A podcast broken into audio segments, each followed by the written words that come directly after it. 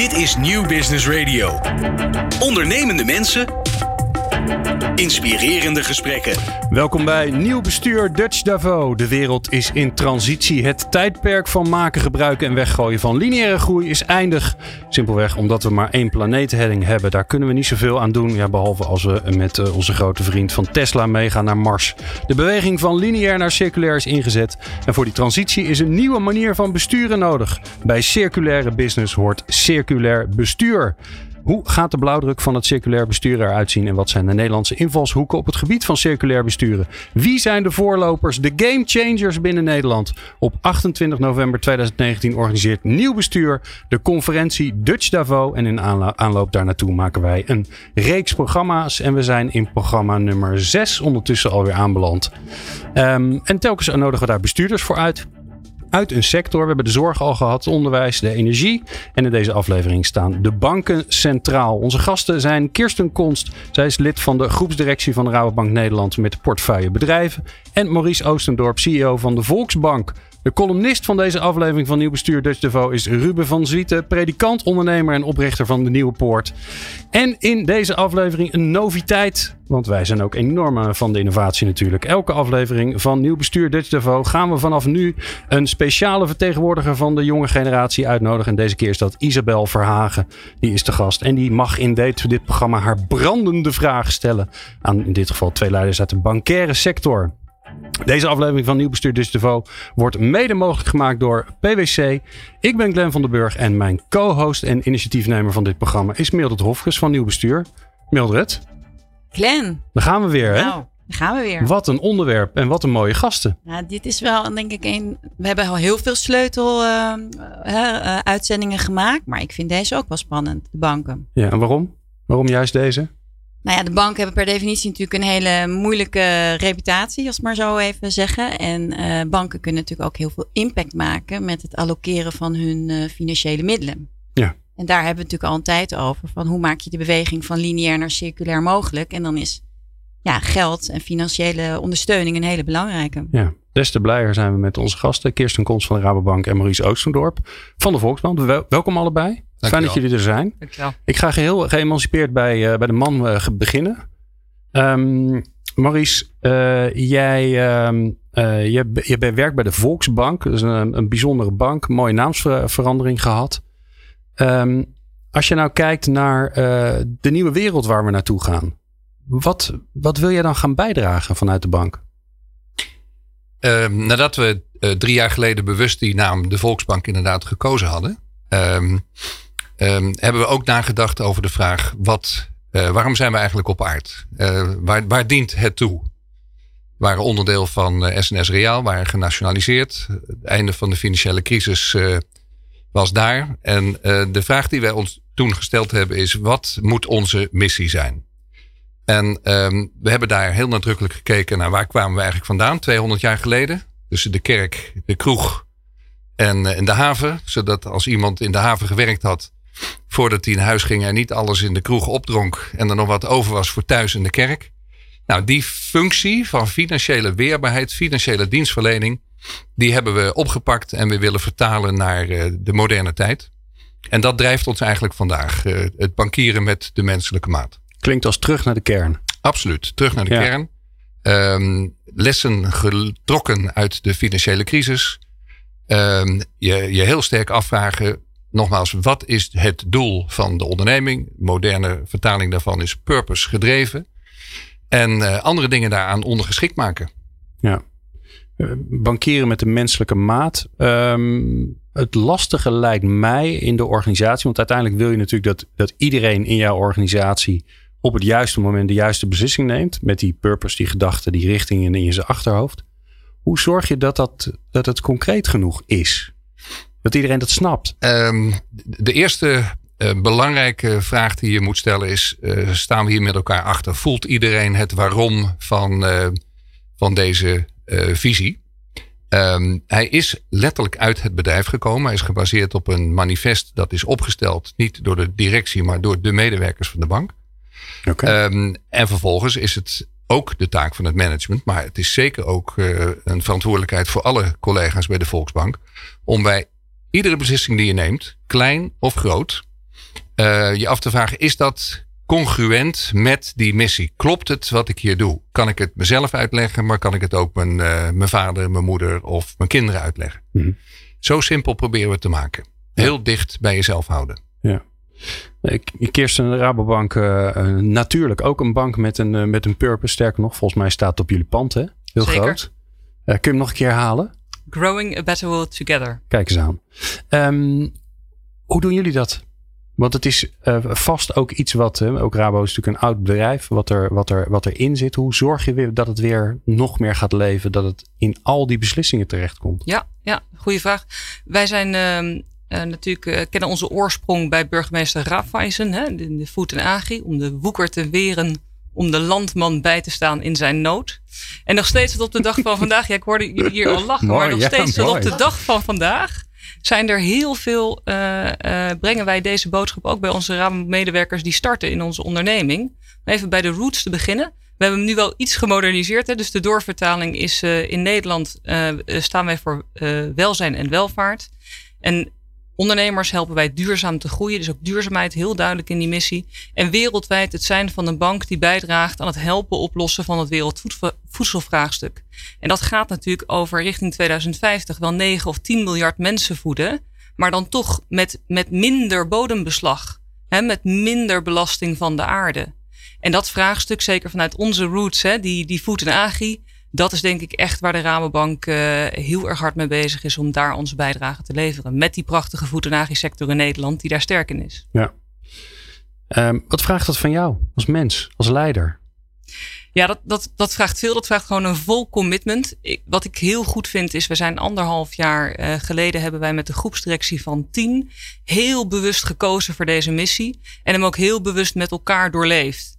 En dat betekent als je hem doorleeft, dat je hem voelt, dat je ervoor wil, voor wilt gaan en hem ook wilt doorvertalen in alles. Dus dat betekent de missie, ja, hij staat op het pand, maar hij moet er zijn in de strategie, in de kapitaalallocatie, in de educatie van medewerkers, in de mensen die je aantrekt, uh, in de normen en waarden in de onderneming.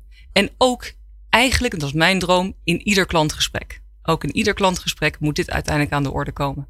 Wauw. En jij zegt, uh, wij hebben het eerst moeten doorleven. Hoe, hoe doe je dat dan? Hoe ziet dat eruit?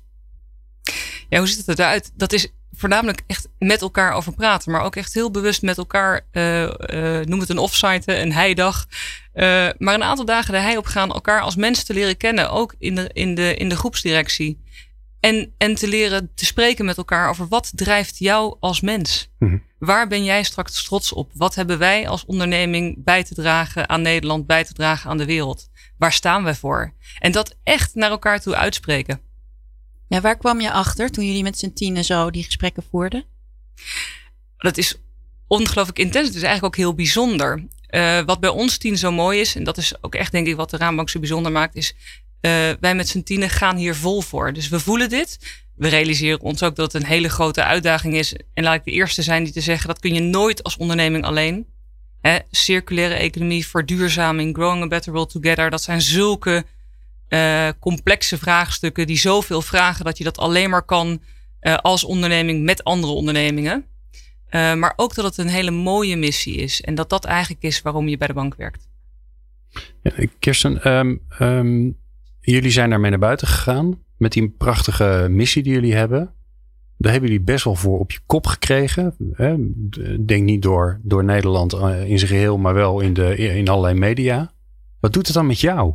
Want de intentie daarachter is hartstikke goed. Ja, nou laten we zeggen, dat komt zeker binnen. Dus uh, dat raakt je. Uh, maar ik snap het ook wel.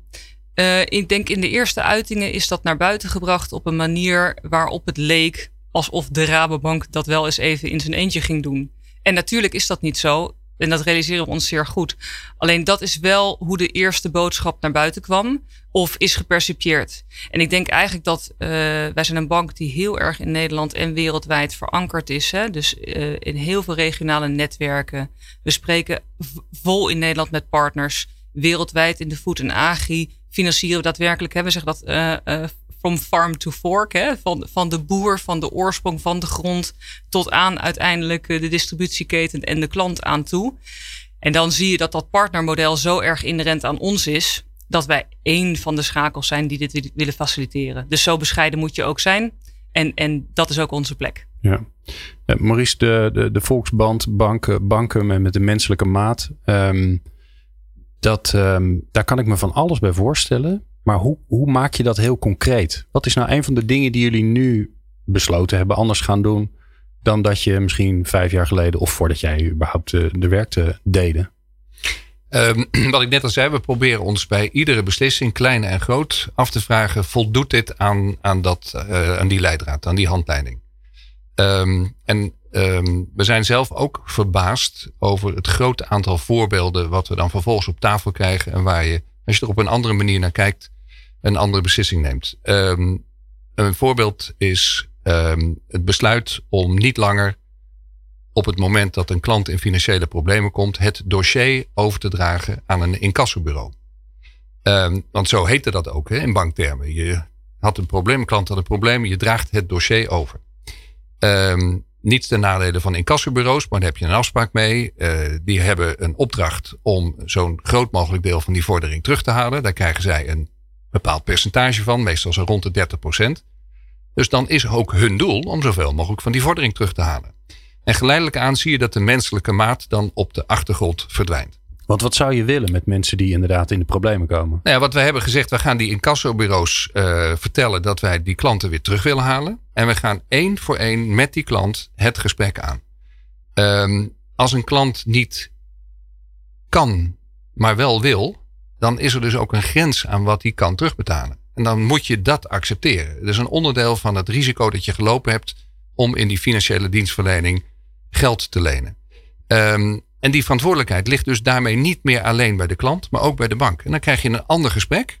Je krijgt een andere oplossing. Maar je krijgt vreemd genoeg ook een andere betrokkenheid van de bank bij, van de klant bij jouw probleem. Dus je, je krijgt een hele andere sfeer rondom dat probleem en gaat het veel meer gezamenlijk oplossen. Uh, nou, langs de financiële as kost dit geld. Je moet het contract afkopen. Je moet een afdeling opzetten om die klanten weer te beheren. Hmm. Je moet gesprekken voeren. Um, maar we zijn nu twee jaar verder. En het is interessant om te zien dat um, er een veel beter terugbetaalgedrag ontstaat dan daarvoor. Oké. Okay. Um, dus het werkt eigenlijk ook in financiële zin nog goed. Ja, want loopt de stakeholders eens af, hè? Um, nou, je hebt uiteraard ze de klant. Ja? Uh, die, die, op een die andere blij. manier voelt dat er met zijn probleem rekening wordt gehouden. Maar je hebt ook de medewerker, want die vindt het veel prettiger om die klant zijn probleem te helpen oplossen dan een juridisch dossier over te dragen. Mm -hmm. uh, we hebben een schuldenproblematiek in de Nederlandse maatschappij. Die is echt niet gering. Daar draagt dit ook toe bij. Nou, en ik vertelde net dat de aandeelhouder in strikt financiële zin ook veel eerder dan wij oorspronkelijk dachten, hier voordeel uit weet te behalen. Dus wat in eerste instantie een tegenstelling lijkt, blijkt in de praktijk heel vaak dezelfde kant op te werken. En wat gebeurt er als je zoiets besluit? Want ik kan me ook voorstellen dat het niet voor niks is dat niemand dat, niemand, dat het nog niet uh, normale practice is. Dus er zullen ongetwijfeld mensen daar zijn die zeggen: wat zijn jullie nou aan het doen voor raars? Uh, die zijn er zeker. Uh, komen we misschien straks nog op, omdat je ook met een omgeving te maken hebt die hier vraagtekens bij stelt. Ehm, neem je de verantwoordelijkheid van klanten niet over? Ben je niet uh, te makkelijk in het um, kwijtschelden van schulden? Um, geef je geen cadeautjes. Kortom, uh, word je niet de softe bank die de verkeerde klanten aantrekt. Dat zijn allemaal begrijpelijke vraagtekens die dan gezet worden. Maar als je gelooft in het uitgangspunt dat je de klant moet vertrouwen, dan moet je dit soort risico's ook nemen. En ja, dan is het vooral heel belangrijk dat je consequent die eerste beslissing legt langs de meetlat bankieren met de menselijke maat. En als het dan geld kost, wat het in eerste instantie deed, die beslissing dus niet nemen omdat het geld kost, maar op andere manieren die financiële consequenties compenseren. Oké.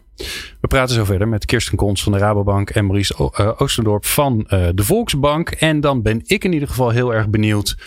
Ja, wat vraagt dit in zo'n organisatie om dappere dingen te doen? Volgens mij leiderschap, dus daar ben ik heel benieuwd naar. New Business Radio.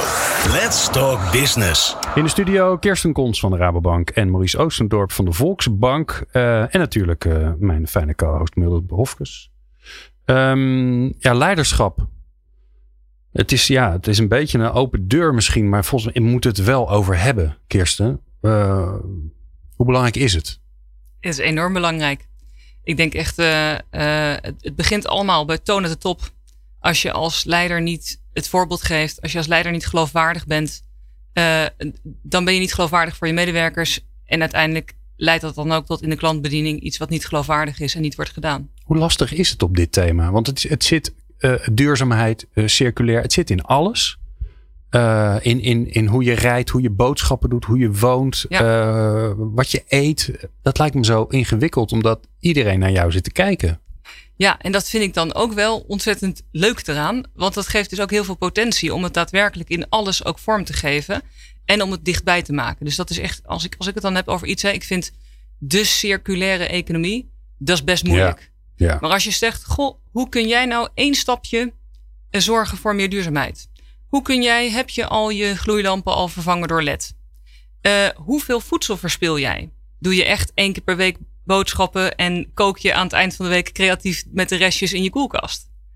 Uh, je kunt ook echt, pak je vaker de fiets. Je kunt dit ook heel makkelijk heel dichtbij maken. En daarom zeg ik ook, hè, het, het goede voorbeeld geven zit hem ook in het benoemen van dingen, zit hem in bewustwording. Maar zit hem ook in heel veel kleine dingen. En dat moet je dan ook als onderneming ook wel, ten eerste natuurlijk gewoon bij je eigen onderneming, in alles doorvertalen. In je personeelsbeleid, wie de catering doet, wat er gebeurt met de resten van dat voedsel, hoe je dat vermindert, wat je doet met je afval, Mhm. hoeveel je nog print. Maar er zijn dus ook heel veel kansen. Ja.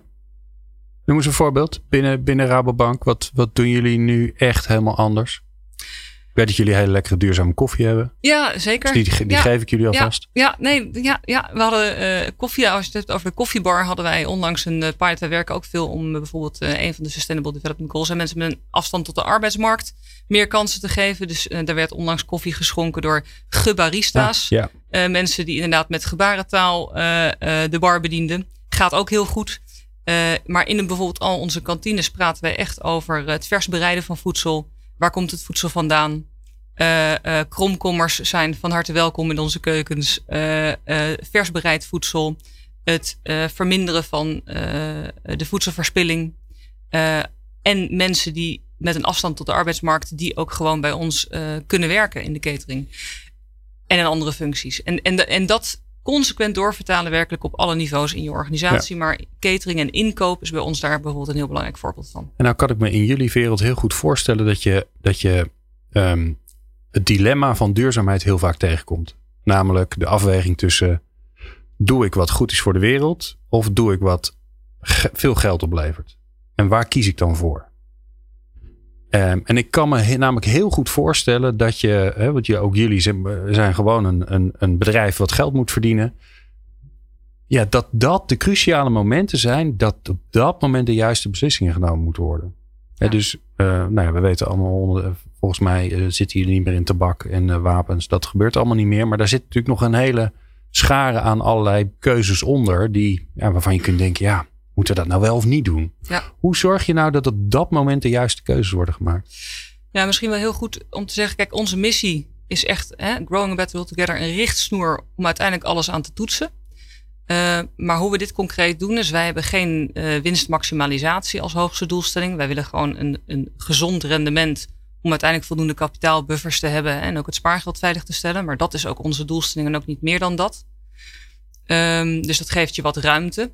En de, ik denk dat het acceptatiebeleid van de financiering, want uiteindelijk hè, als bank, hoe jij je kapitaal inzet, dat zorgt uiteindelijk voor die enorme impact op welke bedrijven ook kunnen groeien. En dat moeten dan ook de juiste bedrijven zijn. Dus ik in mijn rol als bedrijven ben heel erg bezig met per sector eh, eh, in beeld brengen wel, wie zijn de koplopers in die sector. Wat is onze visie per sector en welke bedrijven hebben welke duurzaamheidsklassen in welke sector. En hoe kunnen wij ook zorgen dat een bedrijf wat bijvoorbeeld in een duurzaamheidsklasse B zit, een stap maakt naar duurzaamheidsklasse A. Maar jullie En delen bedrijven dus in. Ja, wij gaan in gesprek met alle ondernemers over hoe zij scoren op duurzaamheid en hoe zij kunnen opschuiven en welke stappen ze nog kunnen nemen. Ook om het bereikbaar te maken. Want ik merk gelukkig, hè, eh, er wordt wel eens gezegd ondernemers willen niet. Volgens mij, hè, ik kom tegen ondernemers willen prima. Alleen ze willen ook gewoon een gezonde boterham verdienen en een beetje hulp bij hoe dan.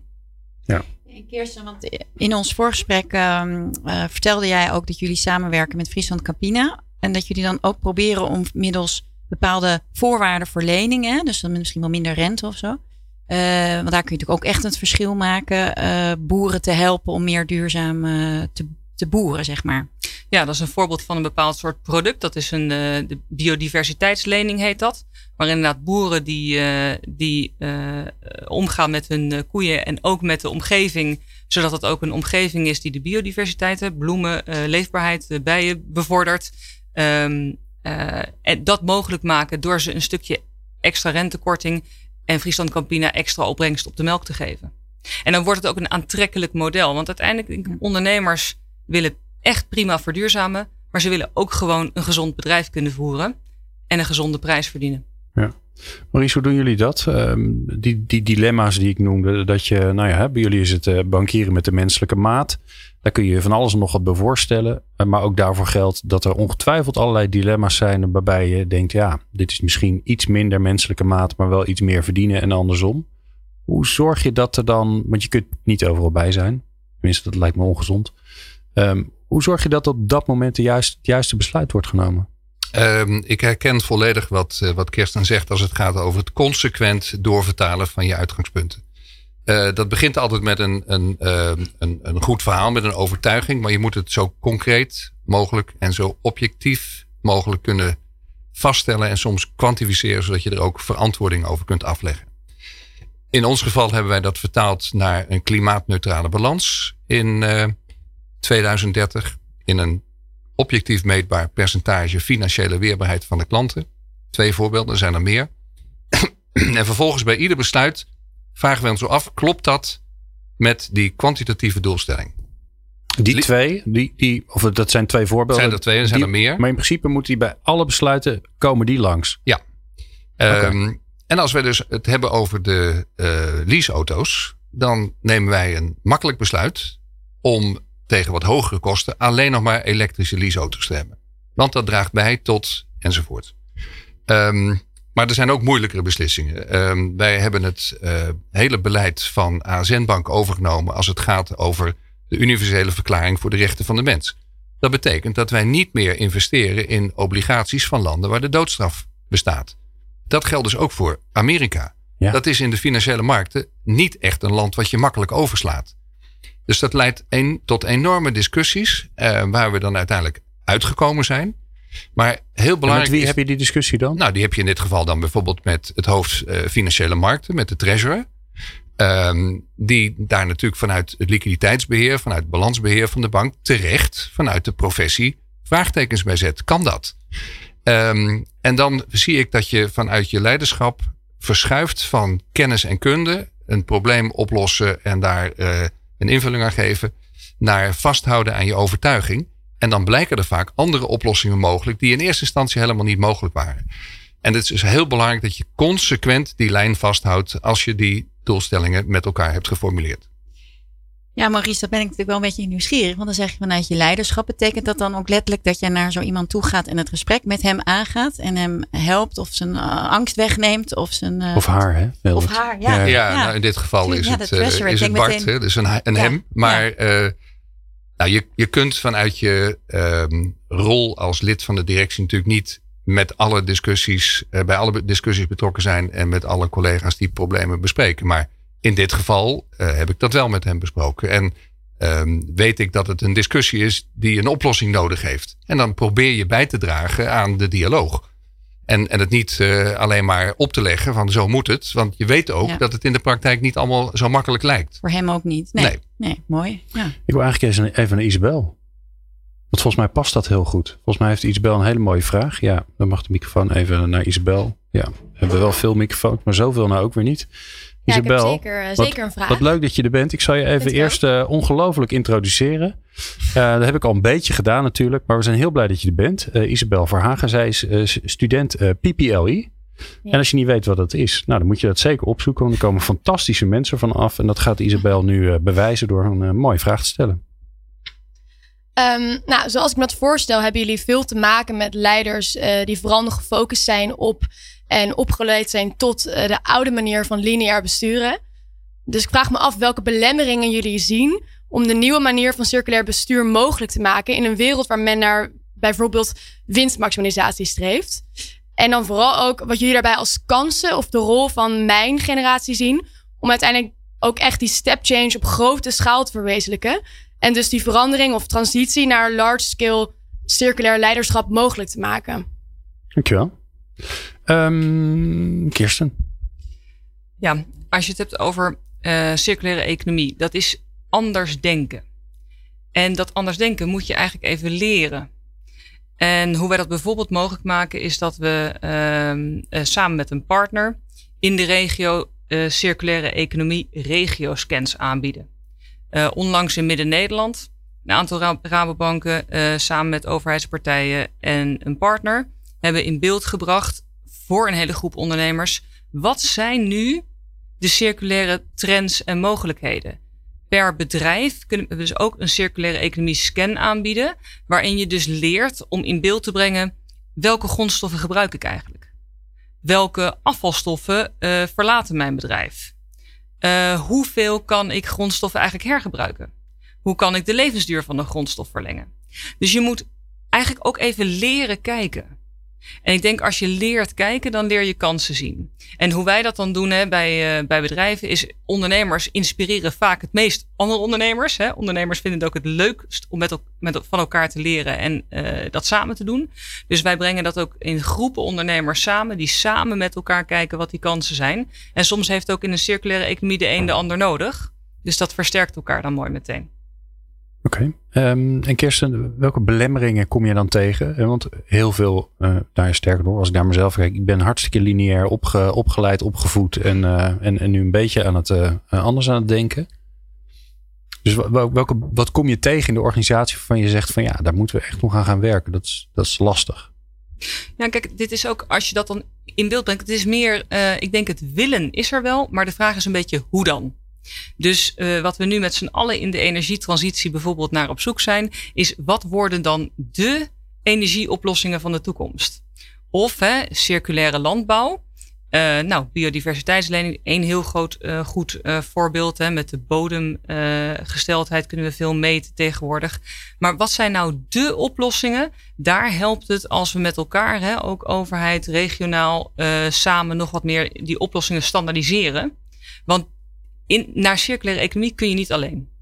Dus die partnerships versterken in de regio, dat is nou typisch iets waar we, hè, wat een belemmering is of waar je zou kunnen versnellen. Want alleen kan je het niet. Ja, um, ja ik ben eigenlijk wel uh, benieuwd, Maurice. Uh, want uh, Isabel heeft stiekem drie vragen gesteld. Dus dan moeten we een beetje verdelen. Welke rol zie jij voor haar generatie in de, in de hele transitie? Um, de banken hebben um, echt moeite om het vertrouwen in hun dienstverlening te herstellen. Um, ik ben ervan overtuigd dat eigenlijk alle banken dat als een uh, uitdaging ervaren en proberen daar veranderingen aan te brengen. Maar je hebt vervolgens dan ook concreet uh, de signalen nodig om je, om je daarbij te helpen en de juiste beslissingen te nemen. Dan denk ik dat de jonge generatie daar een hele belangrijke rol in heeft. Ten eerste hebben ze, een, um, hebben ze invloed als consument. Um, uiteraard hebben ze ook invloed in, um, in, hun, in het uitdragen van hun mening. Maar als het ons gaat om uh, nieuwe medewerkers, dan merken wij dat de jonge generatie andere dingen vraagt van hun werk dan dat dat vroeger het geval was. Niet, niet, niet, uh, als je de Wolf of Wall Street uh, wil worden, moet je sowieso niet bij de Volksbank zijn. Maar dat is ook steeds minder de drijfveer, zoals ik het ervaar, van de jonge generatie. Die willen zich kunnen ontwikkelen. Die willen kunnen bijdragen aan de doelstelling van de onderneming. En op die manier ontstaat ook een andere wisselwerking tussen, ehm, laat ik maar zeggen, de leiding van het bedrijf en de, de werknemer. Die traditionele rolverhouding die verandert.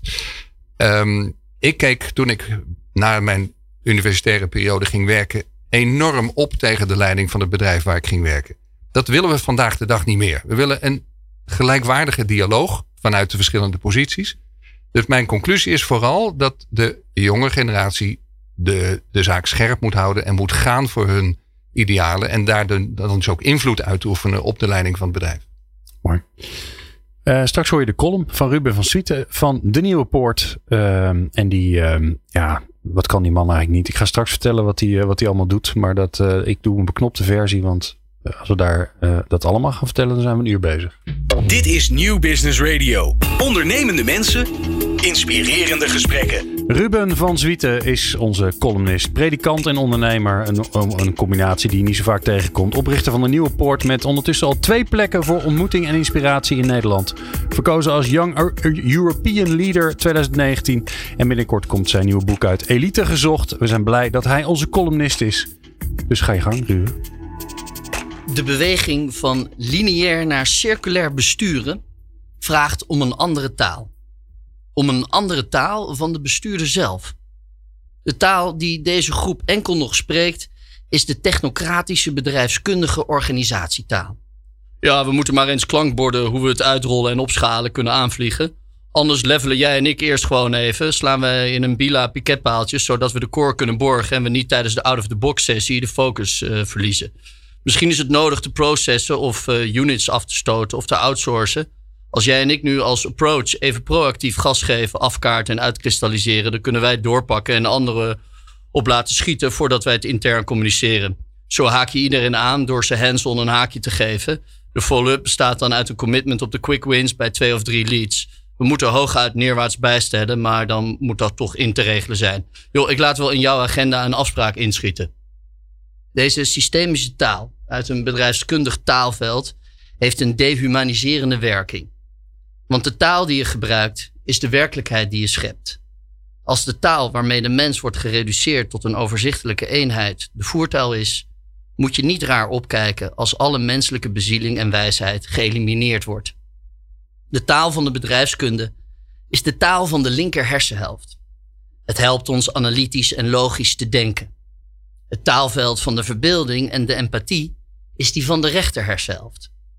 Albert Einstein waarschuwde ons al. Logic will bring you from A to B, but imagination will bring you from A to everywhere. Taal van A naar B is lineaire taal. De taal van de verbeelding is circulaire taal. Het geeft ons taal om steeds weer terug te keren naar de kern. Waartoe deden wij dit ook alweer? Back to basics. Terug naar het in den beginnen noemt de Bijbel dat. Waar is het ons in beginsel om begonnen? Wat maakt de mens tot mens? Wat maakt een samenleving tot samenleving? Begrijp me niet verkeerd. Je hebt beide talen nodig. Balans tussen bieldoen en bedrijfskunde. Maar niet meer dan de helft aan bedrijfskundetaal. Anders krijg je volgens Multatuli betafels droogstoppelachtige zakenmensen. Droogstoppels zijn niet alleen saai, maar antwoorden ook lineair. Bijvoorbeeld op de vraag waarom ze überhaupt op hun knieën gaan om hun geliefde ten huwelijk te vragen, zeggen ze: Dat is gewoon een logische volgende stap in mijn leven. De gasten van vandaag studeerden monetaire economie en financieel recht. En de generaties bankiers na hen evenzo, of IBA, International Business Administration. Vanaf hun achttiende levensjaar was er weinig tot geen filosofie literatuur of poëzie meer in hun onderwijs om met de taal van de verbeelding kritisch onafhankelijk te leren oordelen. Maar wat onophoudelijk volgde, was het leren uitrekenen van EBITDA's en kapitalisatiefactoren met de taal van de bedrijfskunde in Excel. Dat levert bankiers op als direct inzetbare productieve krachten aan de financieel-economische lopende band. Niet vragen, niet klagen. Na de bedrijfskunde collegebank word je hooguit nog oranje-blauw geverfd in het Rabo traineeship of gehaald door de Volksbank High Potential Wasstraat. Zonder blijvende oefening in de taal van de verbeelding worden missies als bankieren met een menselijke maat of growing a better world together nooit een doorleefd menselijk narratief. Oefenen, opleiden, onderrichten. Waarom geen circulaire maatschappelijke beroepsopleiding voor bankiers in het algemeen zoals medici met hun kooschappen, theologen met hun seminaries en juristen met hun advocaatstages of rajo's. Het was een aanbeveling van mijn monitoringcommissie Code Banken aan onze eigen Nederlandse Vereniging van Banken. We gaan er naar kijken, knikte de voorzitter naar de commissie Brakman. Ondertussen droom ik verder van een andere taal in de bestuurskamer. Meer balans tussen de lineaire taal van de bedrijfskunde en de circulaire taal van de verbeelding. Zo zal het zijn. Eens. Ooit. Mooi. Dankjewel, Ruben van Zwieten. Let's Talk Business op Nieuw Business Radio. Ja, en uh, wij gaan uh, na het prachtige column van Rubens van Zwieten uh, door met de Kirstenkomst van de Rabobank en Maurice Oostendorp van de Volksbank. Um, ja, ik moet er toch even nog. Ja, je kan niet door, hè?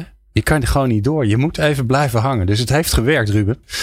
Um, wat, geef je, wat geef je collega's mee? Wat, in het licht van Rubens' verhaal over beelddoen, filosofie, uh, alle zeg maar menselijke waarden die er nodig zijn. Wat, hoe zorg je dat dat erin komt bij jullie? Ik kijk jullie gewoon allebei aan. De eerste gaat praten, die uh, um, kennen elkaar ondertussen. Ja, hoe zorg je dat het erin komt? Uh, met, met elkaar doorleven en het durven te voelen zoals ik dat tijdens jouw column ook voelde, uh, zo moet het in de praktijk ook voelen.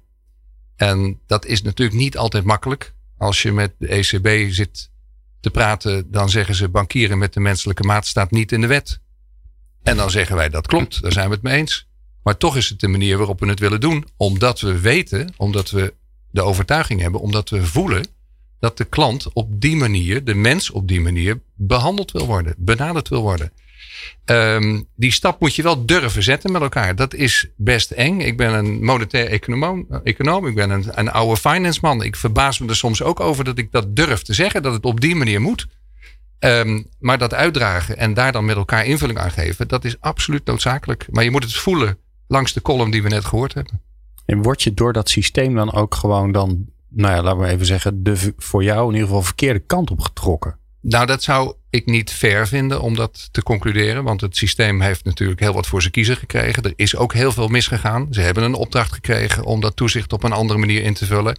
Dus het is te makkelijk om dat even met een uh, simpel gebaar van tafel te vegen en te zeggen: uh, dat klopt allemaal niet. Natuurlijk zitten daar ook hele goede technische elementen in die we moeten verbeteren en die we al enorm veel hebben verbeterd. Maar ik vind wel dat er meer ruimte voor dit element van financiële dienstverlening, van bedrijfsvoering, um, um, aan dat hele um, toezichtsmodel toegevoegd moeten worden. Zeker.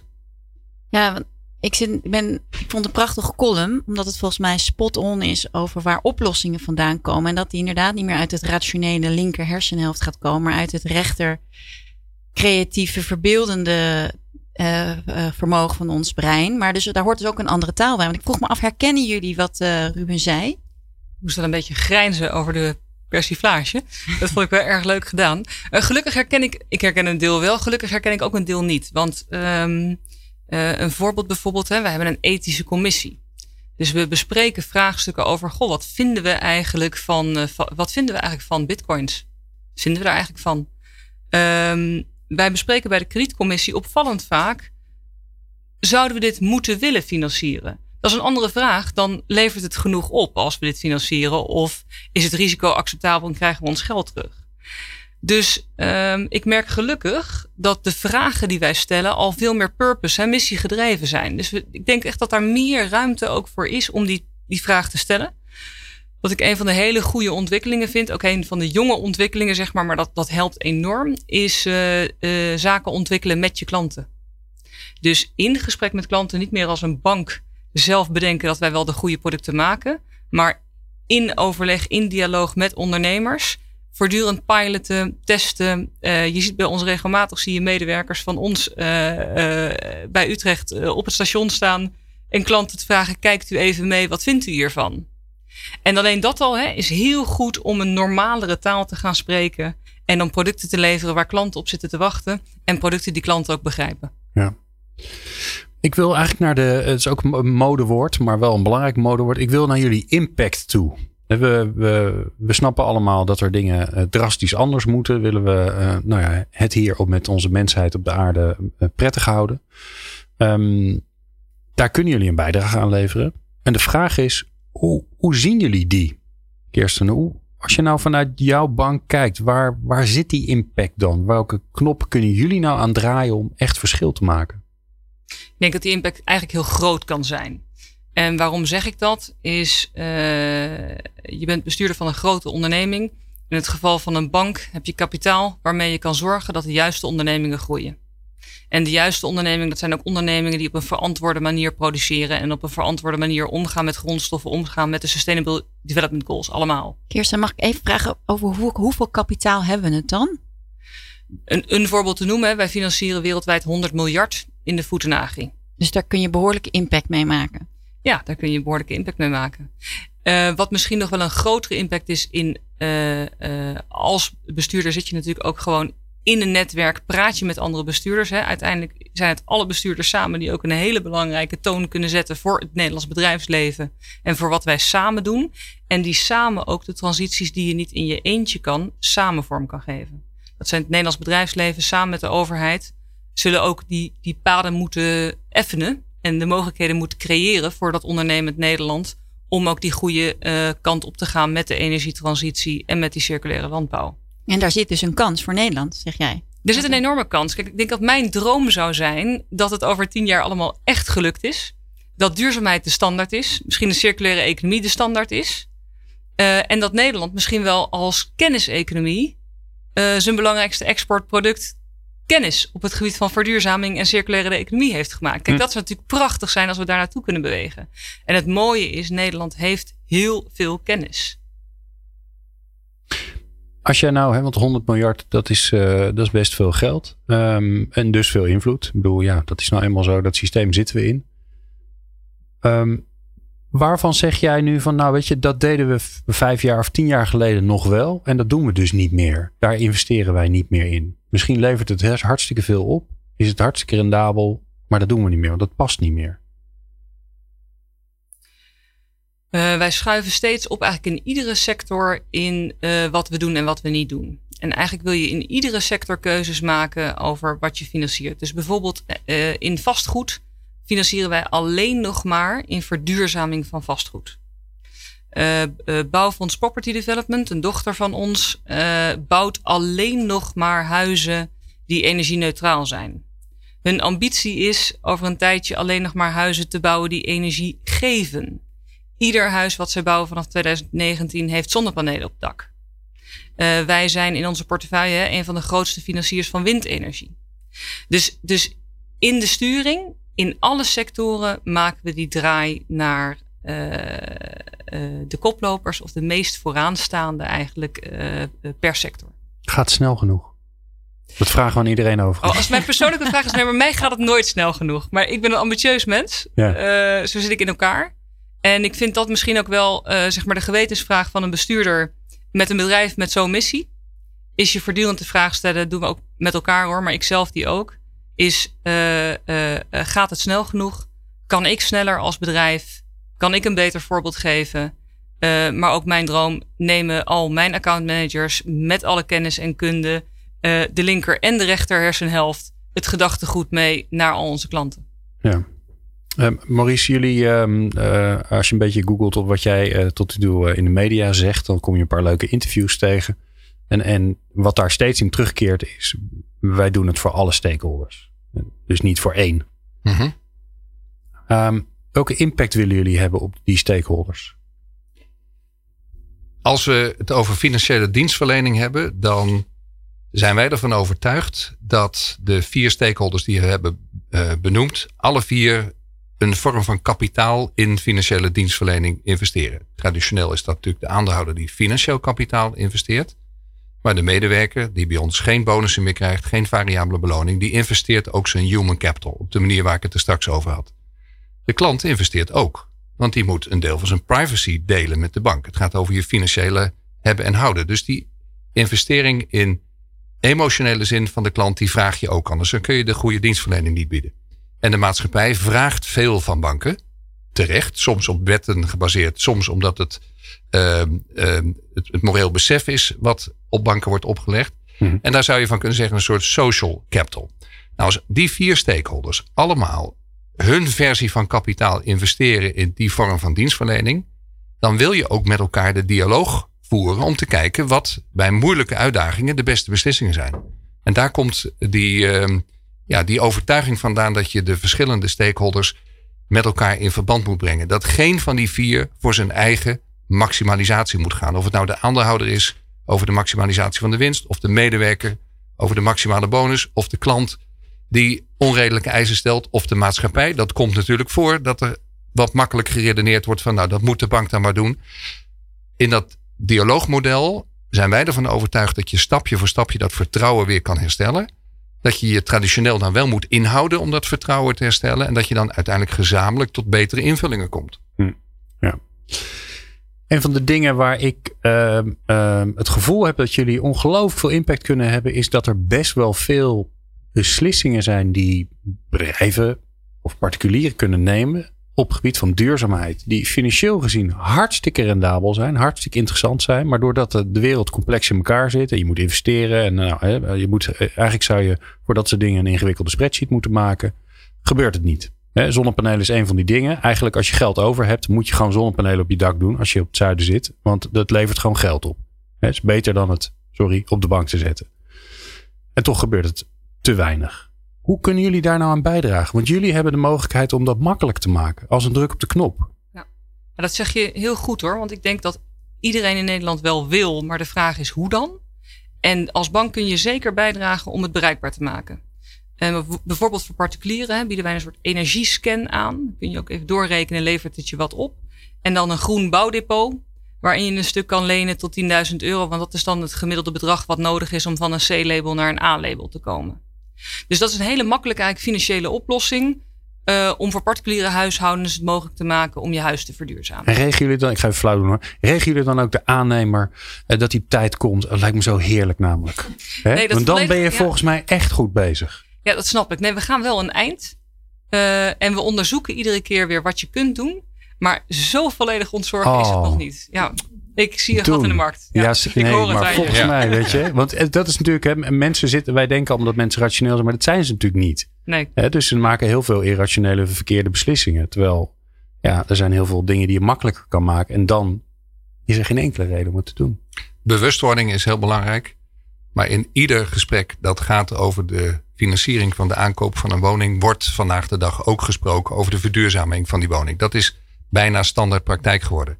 Vervolgens moet je er vormen aan uh, verbinden die concreet dan ook tot financiering van de investeringen leiden.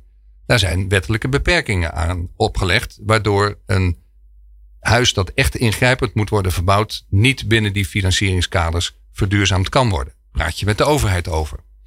Um, in welke mate kan de overheid dat ook stimuleren? Want er is ook wel zorg over de zeg maar, consistentie van het overheidsbeleid op dit punt. Kan ik over drie jaar mijn energie nog wel terugverkopen aan de energiemaatschappij? Uh, kortom, het is een veelkoppig monster um, waar we alles aan proberen te doen. Als sector durf ik wel te zeggen om bij te dragen aan die verduurzaming van de woningvoorraad. Maar het is niet eenvoudig. Mooi. Mildred, wat hebben we gehoord? Nou, ik, ik geloof um, dat de kern um, van de boodschap ligt toch heel erg de toon aan de top. Helder water stroomt van boven. Daar moet het vandaan komen. Dat lijkt me volgens mij uh, heel duidelijk dat er heel veel mogelijkheden zijn. Als je de, de, het geld goed weet te allokeren. Dat er ook echt grote bewegingen op gang kunnen komen. Het zou zomaar kunnen dat we al die doelstellingen die de overheid heeft over onze CO2-reductie gewoon gaan halen. Als jullie met de andere drie grote banken in één klap al die uh, dak, zeg maar de, hoe noem je dat, de zonnepanelen financieren zie ik het opeens zomaar voor me dat dat uh, kan. En volgens jou verdienen we dat allemaal weer terug. Dat is natuurlijk een fantastisch model. En dat die impact, want dat je dus laat zien dat je het goede aan het doen bent. En uh, Kirsten die had wel een beetje mijn hart voorover toen ze op een gegeven moment uitsprak van ik wil gewoon weten of ik het maximaal haalbare aan het doen ben als bestuurder, want ik zit op deze positie en dit is wat ik wil doen. Toen dacht ik ja, dat is volgens mij zo'n fantastische spirit om, om, om die car te trekken, want natuurlijk die bestuurders trekken die car. Um, maar uh, jullie hebben natuurlijk ook altijd nog weer aandeelhouders, of dat zit ook, of hè, de, de, toezichthouders of commissarissen. En die worden ook vaak genoemd in deze uitzending. Want jullie uh, zijn dan natuurlijk uh, de voorlopers en de game changers, maar jullie hebben natuurlijk ook altijd weer ondersteuning nodig. Dus leek het ons ook wel heel erg relevant om de volgende uitzending met twee supercommissarissen te maken. Wie hebben we?